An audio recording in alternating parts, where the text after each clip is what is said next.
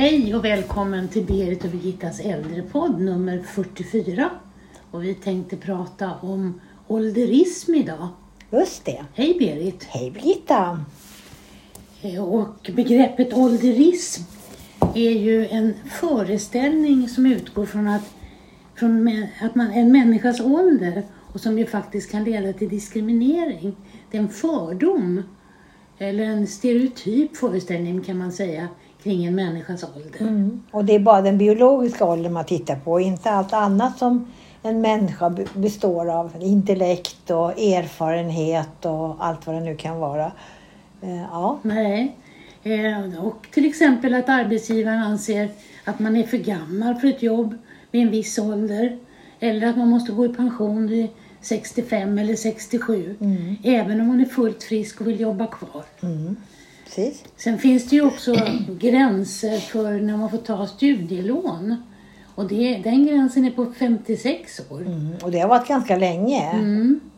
Fast man har flyttat fram pensionsåldern flera gånger sedan den gränsen stämdes. Ja, för att om man tänker sig att man pluggar efter kanske ett år efter 56 och jobbar kvar till 67. Ja, så eller längre. Ja, så det kan ju löna sig ändå. Då. Men sen finns det ju också en gräns som är lite skrämmande tycker jag och det är den här 74-årsgränsen för att kallas till mammografi. Precis. Eh, och den gränsen, när man tittar på statistiken över hur många som faktiskt får bröstcancer efter 74, 74, ja. så är det ju en väsentlig del. ja. Det är ju fler som får cancer över 80 än de som är i 50-årsåldern. Ja, ja. Och jag, har, jag har själv eh, varit med om det. med Att nu vill man ha en mammografi om man har gjort sån här screening under hela sitt liv så får man, måste man ha en remiss efter 74 år. Och personalen på den mammografiavdelning jag ringde till var, var lika upprörda som vi för de såg ju att det var många äldre kvinnor som drabbades av bröstcancer. Eh, och de kanske inte är lika benägna att känna på sina bröst, exempel som man gör när man är yngre. Så att det, där är det ju också en ålderism kan man säga. Mm, det är verkligen. Och den är, ju, den är ju skrämmande alltså eftersom det är fler insjuknande efter 74 än mellan 55 och 59. Och vi såg ju under covid att där blir man ju också eh, som en enda klump om man var 70 år och äldre. Eh, och det var ju ganska många som, där fick man väl ganska eh, svår kritik ifrån, ifrån de som granskade eh, äldrevården. Ja, IVO ja. IVO, ja. Att eh, man såg att man gjorde ingen individuell eh, bedömning av de som hade blivit covid-drabbade utan man gjorde det som, en, som ett kollektiv kan man säga. Ja, man bemödade sig inte ens en gång om att åka ut och undersöka utan man, man ordinerade palliativ omvårdnad. Vid en viss ålder. Ja, vid en viss ålder och vid vissa symptom. Och det är ju förskräckligt för så står det ju inte i hälso och sjukvårdslagen utan där ska ju alla få en individuell bedömning. Precis. Och dessutom så ska man ju få eh, ett samtal med anhöriga och med den sjuke själv om att nu är vi i det här läget, nu kan vi inte göra så mycket mer. Men ingenting av det förekom, eller det är klart att det förekom, men inte Men- överallt. Inte som rutin. Nej, nej. och det var ju det som IVO har kritiserat. Då. Ehm, och, ehm, och det säger man också från IVO att det här är, det är ett resultat av ålderism. Mm, Man betraktas som ett kollektiv utan individuella behov. precis. Eh, Och det är flera sådana här som exempelvis enkätundersökningar. Där slutar man eh, vid 80, var det så? Nej, man slutar vid 85. 85, ja. Nej, 80-årsgräns. Nej, du har rätt. Ja, 80-årsgräns ja. i opinionsundersökningar. Ja. Jag undrar om man inte tror att 80-åringarna är intresserade eller om inte de kan svara på enkäten eller vad det kan bero på. Nej, en del har diskuterat det här med att det kanske handlar om att man inte tror att 80-åringar kan eh, hantera datorer. Och att det är för krångligt att skicka ut pappersenkäter. Mm. Men idag kan ju väldigt många 80-åringar hantera datorer. Absolut, ja. Men, och det, så det är ju konstigt. Mm. Och en av de här undersökningarna som 80-åringarna inte fick vara med om, det var en statlig undersökning som handlade om mäns våld mot kvinnor i Sverige. Just det. Och den skickades ut till 10 000 kvinnor, men bara till kvinnor under 65 år. Mm. Och det kan man ju också fundera igen då. Är det för att man inte anser att man inte ses som kapabel att besvara? Eller tänker man att frågor om våld inte existerar över dem bland 65?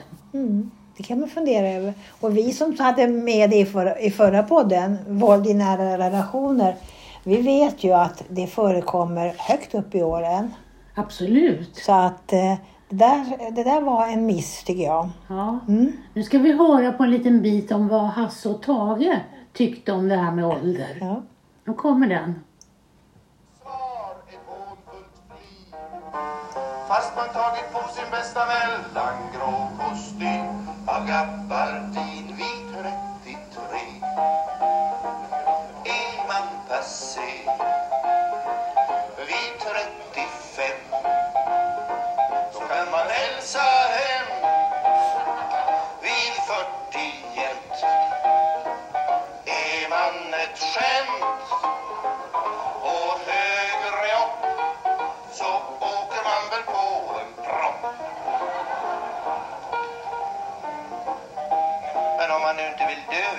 års ålder? Om man inte nöjer sig med att sitta i stadsparken och mata duvor och titta på småflickor i sandlådan, vad gör man då?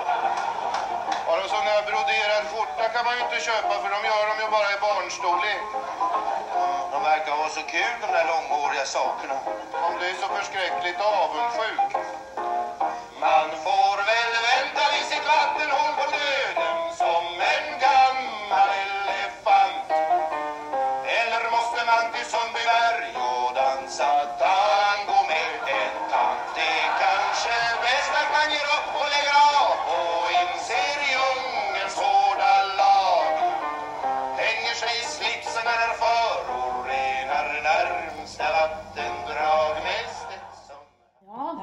så tyckte de. Och det ligger mycket i det. eh, att man kanske inte blir passé vid 33 men 55 har ju många um, vittnat om att det är svårt för dem att, att få, få jobb.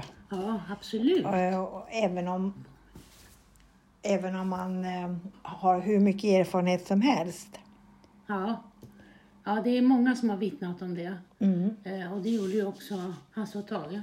Ja. Han sa ju att det var passé. Redan på 70-talet. passé. ja. Eh, och det är ju väldigt sorgligt. Och precis som vi sa, när man tittar på det här med, med en, en ålder som en siffra och inte som en, en, en visdom.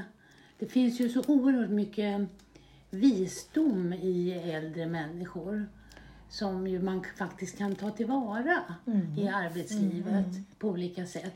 Man tittar bara på den biologiska åldern och inte på allt vad man har erfarit under livets gång så att säga.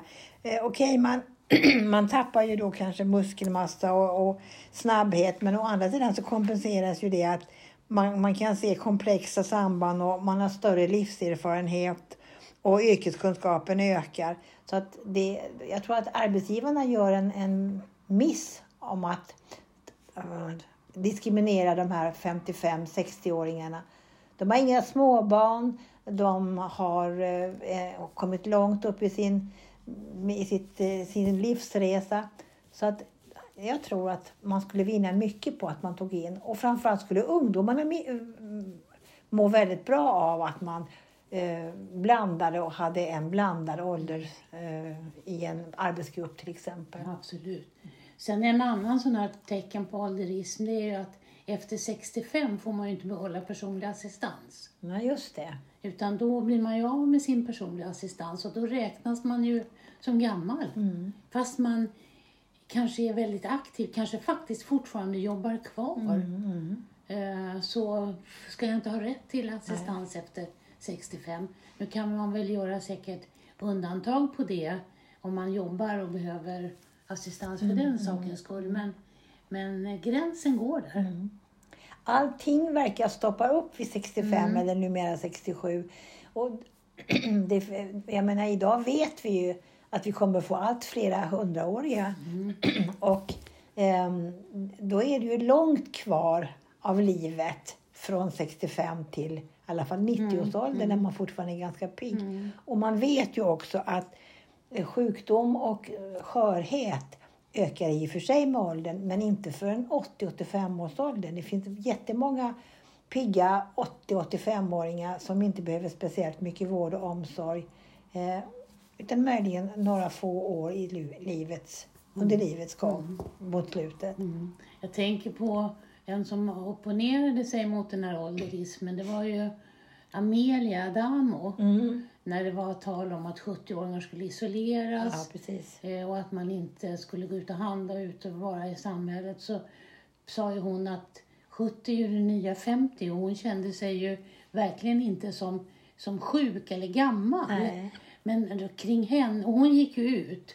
Men hon fick ju en sån hatstorm Mm. kring sig så att hon var ju tvungen att backa och gå in igen Mm. och bli isolerad. Bli isolerad, ja. Det, det, är en märklig, ja det, var en, det var en märklig tid under corona. Där, där, där märktes det verkligen att man gjorde skillnad på olika yrkesgrupper, eller olika åldersgrupper. Ja. Och det var, det, var, ja, det var skrämmande.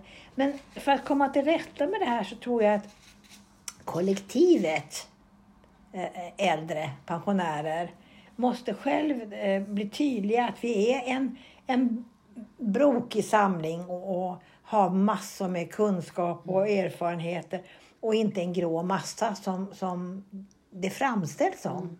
Absolut. Och en sån här del som den här eh, grå massan, det var ju hur äldre ska klä sig. Jaha. Eh, det fanns ju en, regel för hur äldre kvinnor och män skulle vara klädda. Mm. Men den börjar luckras upp. Men det, det, det, vis, det finns fortfarande kvar en hel mängd tabun.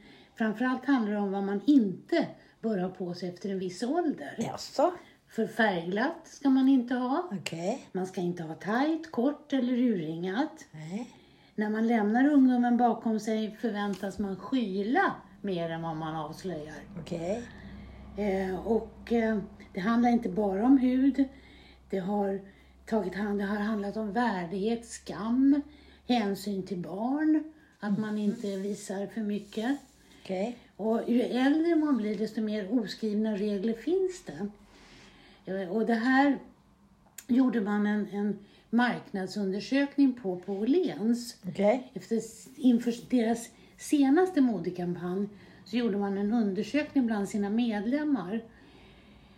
Och där fick ett par tusen svara på vilken övre åldersgräns de ansåg att samhällsnormen har tilldelat olika klädesplagg.